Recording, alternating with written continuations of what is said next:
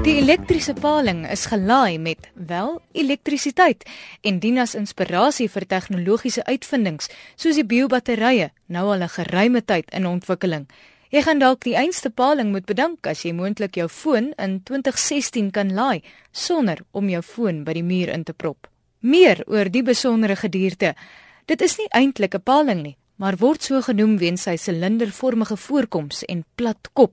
Hy is eintlik meer verwant aan die karp en baber en kan 'n verstommende lengte van 2.5 meter of selfs langer bereik. Gelukkig gaan jy nie sommer persoonlik kennis maak nie. Hy maak hom tuis in die modderige strome en poele van die Amazone, Orinoco en ander dele van Suid-Amerika.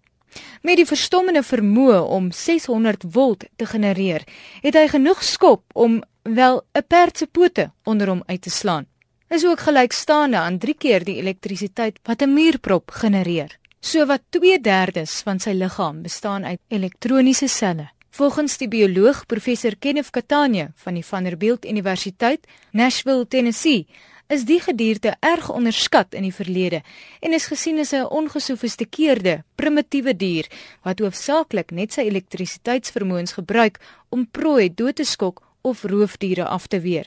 Professor Catania, wat nou al vir 3 jaar die gedierte bestudeer, het uitgevind dat die elektriese paling ook die vermoë het om die elektroniese veld om hom te manipuleer.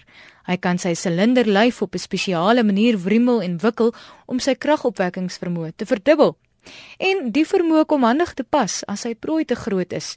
Die paling kan vergelyk word met 'n elektroniese koordlose skoktoestel. Alhoewel sy sig swak is, moet hy gereeld na die oppervlak kom om asem te skep en hy gebruik 'n elektroniese stroom van minder as 10 volt om sy rigting vas te stel. Die elektroniese veld om hom word ook gebruik om voorwerpe in sy omgewing waar te neem en om te jag, soos 'n radar om sy prooi op te spoor en te volg in die modderige water van die Amazone.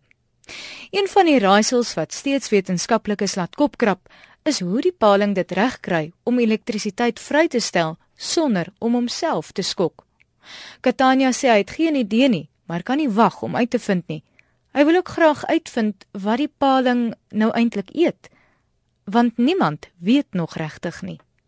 Mens kan nie anders as om saam met professor Katanya te stem nie. Selfs al is 'n die dier al vir meer as 200 jaar bestudeer, is daar nog steeds geheime en altyd iets om uit te vind.